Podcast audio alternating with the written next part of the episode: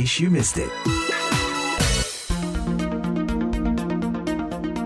Para pendengar Voice of America, dalam In Case You Miss It kali ini kita punya satu orang tamu spesial, tamu istimewa, Ibu Maria Katarina Sumarsi. Beliau adalah seorang aktivis perempuan pejuang uh, kemanusiaan yang uh, 20 tahun lalu kehilangan putra tercintanya Mas Wawan. Kita semua teman-teman wartawan kenal dekat dengan Wawan karena bergerak di jalur kemanusiaan. Dia ikut uh, membantu menolong teman-temannya kalau ada yang uh, luka atau terpukul aparat dan banyak hal yang dilakukan Wawan yang kita masih tetap ingat sampai sampai sekarang. Uh, apa kabar Bu Sumarsi? Ya uh, kabar baik. Uh, jadi penembakan Wawan dan kawan-kawannya itu sudah 22 tahun yang lalu ya. dalam tragedi Semanggi 1 13 November 98. 98 tepat pada tahun sama ketika uh, Presiden Soeharto ya uh, turun setelah berkuasa selama 32 tahun Lalu ketika itu muncul banyak pergolakan ya Bu. Kalau misalnya teman-teman uh, ada yang baru dengar, baru lahir barangkali tahun-tahun itu belum tahu apa yang terjadi pada tahun itu ya Bu. Jadi pada saat itu para mahasiswa berjuang mengawal pelaksanaan reformasi dan demokrasi. Jadi uh, pada tahun 98 bulan uh, Mei 12 Mei itu ada penembakan mahasiswa Trisakti, tanggal 21 Mei 98 itu Soeharto menyatakan berhenti dari jabatan presiden. Kemudian pada November 98, 10 sampai 13 November 98 itu eh, pemerintahan Presiden B.J. Habibie menyelenggarakan sidang istimewa MPR tetapi ditolak oleh para mahasiswa karena uh, disinyalir akan dipergunakan untuk uh, ajang konsolidasi kroni-kroni Soeharto dan para mahasiswa menuntut agar diadakan pemilu ulang terlebih dahulu. Betul, betul.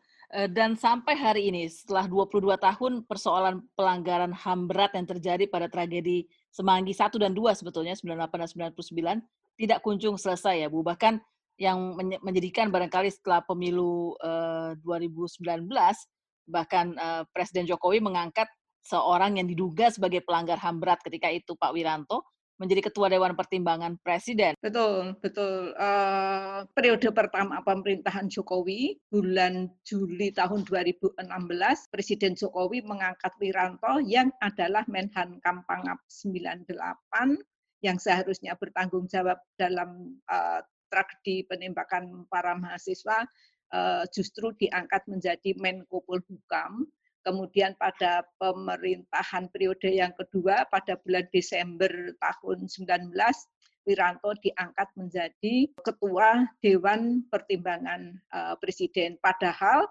pada saat kami keluarga korban tanggal 31 Mei 98 kami diterima presiden pada pada akhir pertemuan saya menyampaikan uh, saya tutup dengan kata-kata di dalam berkas ini kan uh, saya menyerahkan uh, berkas mengenai kaitannya dengan peristiwa penembakan para mahasiswa saya bilang begini di dalam berkas ini ada dokumen yang menyebut nama Menhankam Pangap tahun 98 jadi memang setiap menjelang pemilu, para presiden di Indonesia ini menggunakan peristiwa eh, penembakan para mahasiswa dan kasus-kasus pelanggaran HAM berat lainnya eh, menjadikan komoditas politik untuk meraup suara. Dan ini terjadi dan lagi pada, pada pemerintahan Jokowi era yang kedua. Ini malah lebih parah lagi karena beliau uh, memposisikan uh, Prabowo Subianto yang ketika itu bahkan terlibat berbagai pelanggaran HAM berat nggak cuma di soal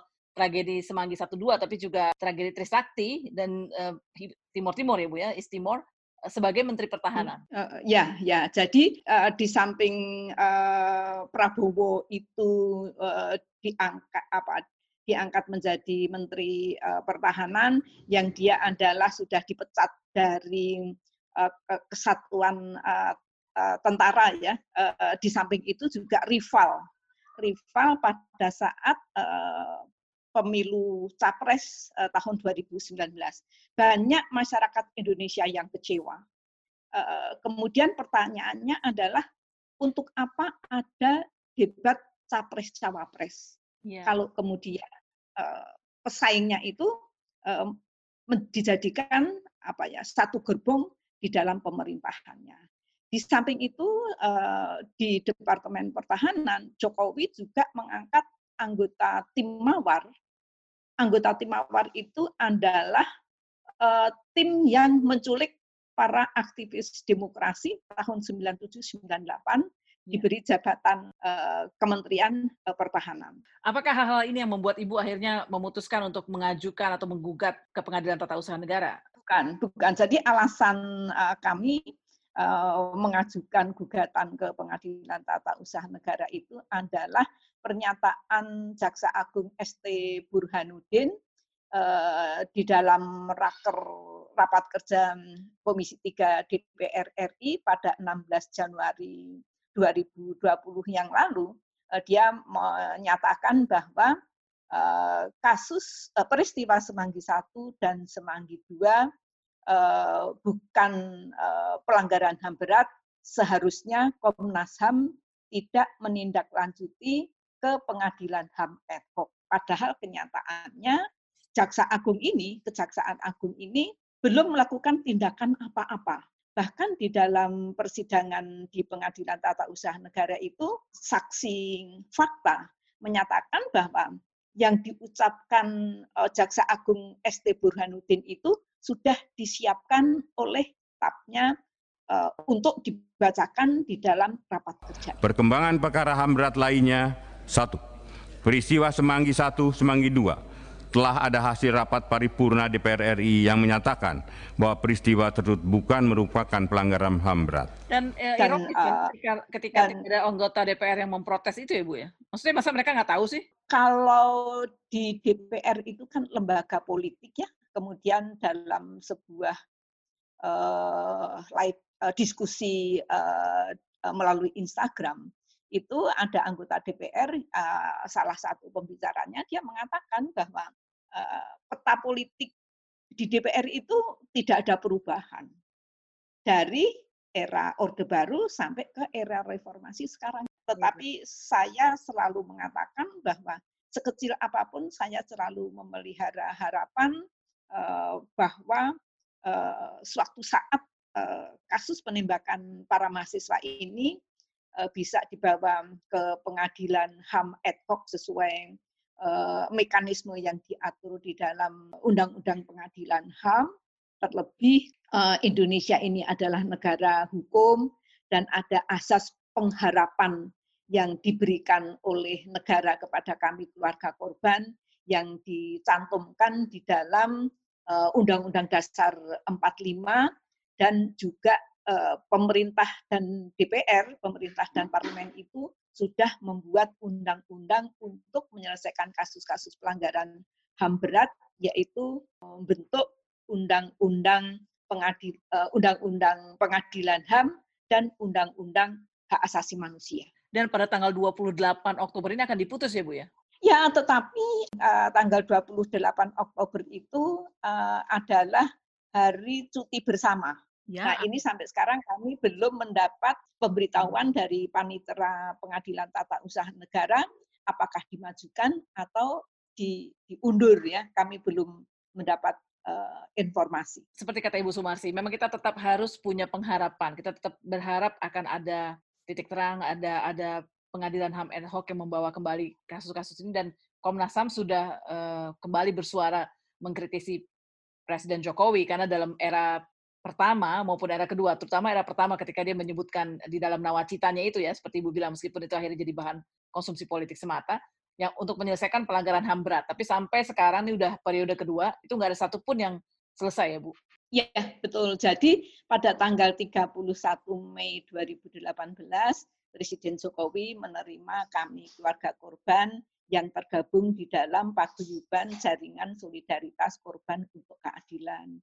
Ya. Kemudian uh, beberapa hari berikutnya uh, Presiden Jokowi memanggil Komnas HAM dan uh, Jaksa Agung. Kemudian memanggil Jaksa Agung dan dan Komnas HAM itu adalah dalam rangka untuk menyelesaikan kasus-kasus pelanggaran HAM berat. Tetapi kenyataannya sampai sekarang juga tidak ada kemajuan apa-apa. Masihkah kita bisa berharap, Bu Sumarsi? Memang sekarang ini kondisi untuk penyelesaian pelanggaran HAM berat itu uh, tergantung dari kemauan politik. Selama tidak ada kemauan politik dari pemerintah, tidak akan diselesaikan. Tetapi ketika uh, saya mengadakan aksi Kamisan di depan istana setiap hari Kamis.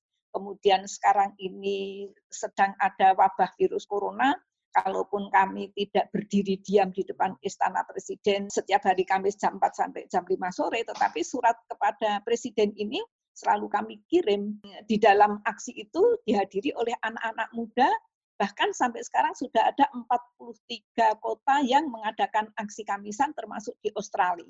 Jadi ketika sekarang ini kami tidak bisa berharap dengan uh, Presiden uh, Jokowi, tetapi sudah ada regenerasi, sudah ada anak-anak muda yang akan melanjutkan perjuangan uh, kami, uh, termasuk kalau saya pun sudah meninggal.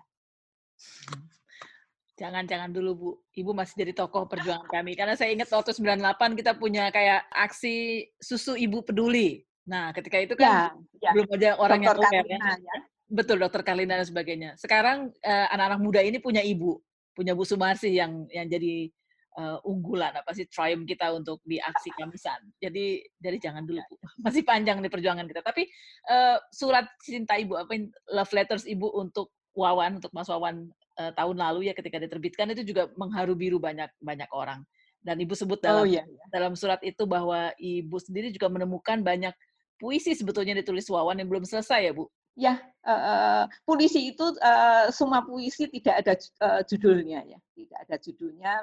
Kemudian ada uh, dua puisi radio Jakarta News FM itu selalu menyiarkan uh, puisi Wawan yang menyemangati uh, saya uh, sampai sekarang masih banyak melakukan berbagai hal untuk memperjuangkan uh, agenda reformasi yang ketiga yang diperjuangkan oleh Wawan dan kawan-kawannya. Agenda yang ketiga adalah tegakkan supremasi hukum, yang menyemangati adalah cinta.